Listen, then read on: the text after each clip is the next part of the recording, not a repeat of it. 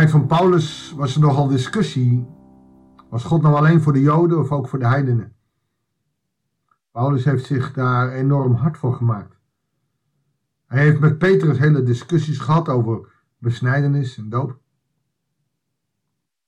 En het gekke is dat wij ons allemaal beter vinden dan de rest en wij horen erbij. Wij komen er wel, maar anderen niet.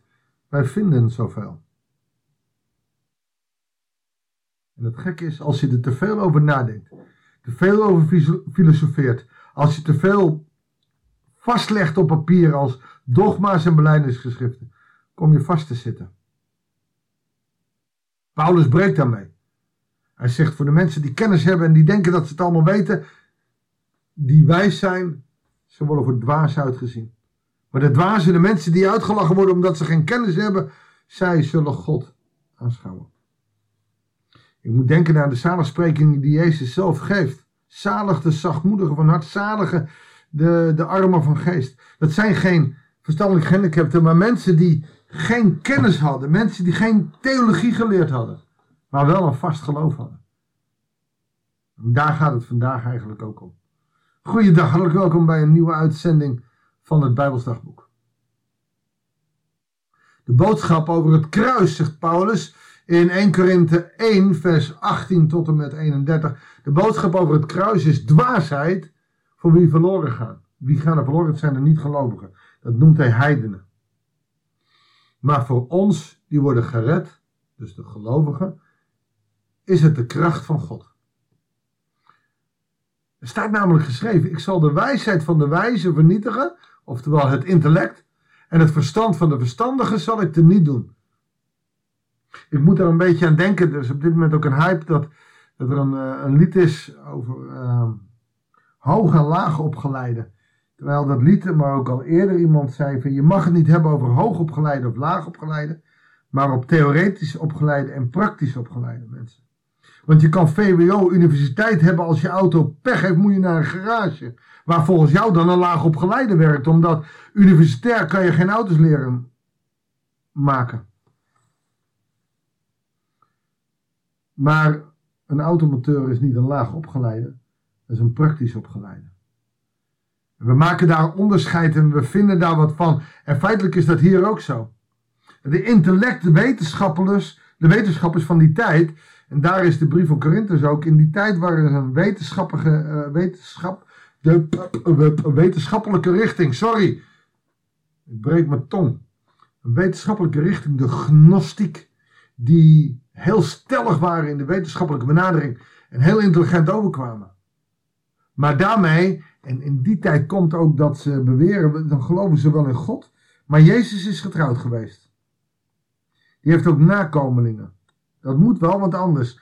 En je ziet dat in de Da Vinci Code, die film, een fictieve film, uh, nog steeds over die gnostiek wordt gesproken.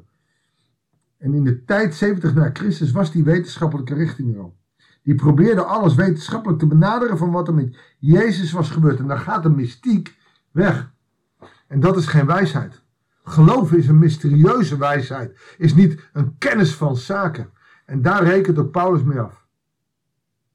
Waar is de wijze, vraagt hij. Waar de schriftgeleerde, waar de redenaar van deze wereld? Heeft God de wijsheid van de wereld niet in dwaasheid veranderd? Je zou dus kunnen zeggen, wetenschap die beweert dat God niet bestaat, is een dwaas iets. Je moet uitkijken met wetenschap. Wetenschap is mooi, je kunt er heel veel mee komen, je kunt er prachtige banen.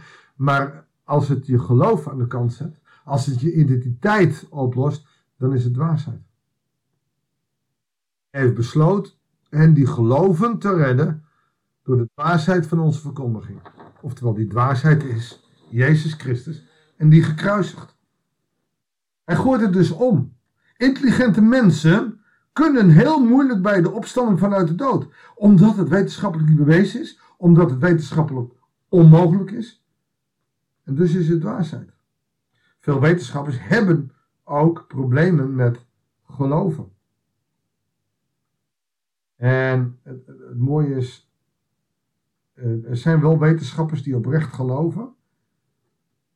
En die, die daar ook wel mee geworsteld hebben en die daar ook wel mee worstelen maar wel een geloof vasthouden terwijl ze wetenschappelijk heel veel mooie dingen zien. En ik weet ook van hen, als je, als je oprecht christen bent en in de wetenschap werkt, dan ontdek je door de wetenschap ook wel weer God. Maar dan gaat het jou niet om het kennis, maar dan gaat het jou om het geloof. Want zoals God in zijn wijsheid bepaalde, heeft de wereld hem niet door haar wijsheid gekend. Hij heeft besloten hen die geloven te redden door de dwaasheid van onze verkondiging. De Joden vragen om wonderen en Grieken zoeken wijsheid. Maar wij verkondigen gekruisigde christenen. Voor Joden aanstootgevend en voor heidenen dwaas. En dan zie je dat in het getuigenis een sterke overredingskracht zit. Mensen vragen mij wel eens, joh, kan je niet een diepere preek, een theoretische, uh, diepgaande preek? En er is nog nooit iemand door diepgaande preken tot bekering gekomen, maar wel door een getuigenis. Binnenkort is er iemand die bij ons in de gemeente getuigenis gaat geven. Die heeft heel veel meegemaakt. En dan zit ik al te denken, ja, wat voor preek moet ik daar nou tegenover stellen? Want die getuigenis is vaak sterker en dat is wat blijft plakken. Maar voor wie geroepen zijn, zowel Joden als christenen, oh, sorry, Joden als Grieken, is Christus Gods kracht en wijsheid. Dus wanneer wij geroepen zijn, dan zullen wij de dood van Christus kunnen accepteren als levend wonder. Iemand die zijn hart ook werkelijk waar aan Jezus heeft gegeven, vraagt zich niet af hoe het kan dat Jezus er drie dagen opstaat. Alleen mensen die niet geloven zeggen, dat kan toch helemaal niet? Je kunt met een niet-gelovige vrijwel nooit over de opstanding praten, want het is dwaasheid voor hen. Tenzij hun hart aan Jezus geven. En, en het is dus soms ook erg moeilijk om wetenschapmensen tot Jezus te laten komen. Want het dwaze van God is wijzer dan mensen. En het zwakke van God is sterker dan mensen. Mooi hè? Het dwaze van God is wijzer dan mensen. En het zwakke van God is sterker dan mensen. Ik, ik ga deze tekst op kopiëren. Ik ben er gewoon nu letterlijk mee bezig. Uh, alleen vroeger kon je, oh ja, in dit programma eh, doe je het zo. En, en ik ga hem bewaren, omdat dit een ongelofelijke mooie tekst is. Er is dus heel veel dwaasheid voor nodig om God te geloven. En dat is het zwakke, want in je zwakheid ben je sterk.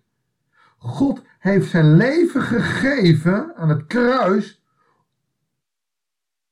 om ons tot geloof te laten komen. Dat is het zwakke van God, wat sterker is dan mensen. En alleen de verkondiging van de opgestaande Heer laat mensen tot bekering komen. De wetenschappelijke benadering dat. Kijk, en ik vind het als christen best wel mooi dat er wetenschappelijke programma's zijn over bijvoorbeeld de, de bevindingen dat ze op de plek waar Mozes overgestoken moet zijn met het volk, dat ze daar nog steeds speerpunten, uh, wielen en, en, en, onderdelen van wagens tegenkomen uit de tijd van uh, de Egyptische.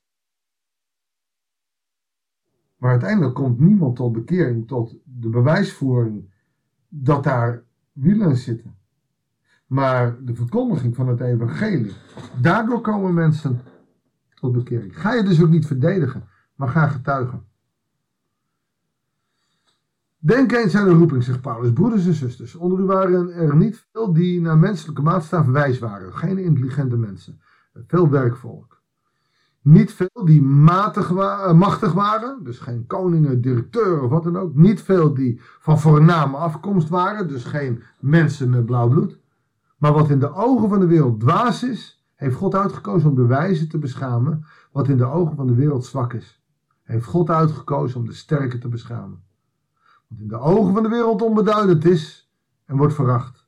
Wat niets is, heeft God uitgekozen om wat wel iets is te niet te doen. Hij heeft dus de zwakheid gebruikt om de kracht te laten zien.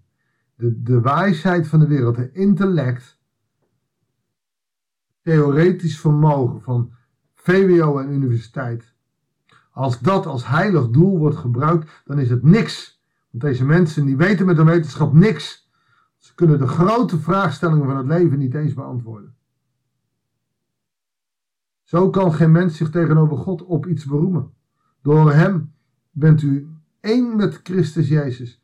Die dankzij God onze wijsheid is geworden. Door Christus worden wij rechtvaardig en heilig en door Hem worden wij verlost. Niet door de wetenschap, niet door kennis, niet door intelligentie. Opdat het zal zijn zoals geschreven staat, wil iemand zich op iets beroemen, laat hij zich dan op de Heer beroemen. Mag je dan niet studeren? Natuurlijk wel. Alleen de studie aan zich mag niet iets worden waar je je bij neerlegt. En dat is wijsheid en dat is de enige wijsheid. Je mag heel veel intellect hebben, je mag heel veel universiteiten doen. Maar uiteindelijk ligt je geluk in je wijsheid. Bij het geloof in Jezus Christus. Vader, dank u wel voor de wijsheid die u aan ons gegeven heeft. Dat is de zwakheid van een God die aan het kruis hangt. Maar dat getuigenis, dat redt ons. Heer, uw naam zij geloofd en geprezen. We hoeven niet een grote studie te doen om uw volgeling te zijn. U houdt van ons zoals we zijn.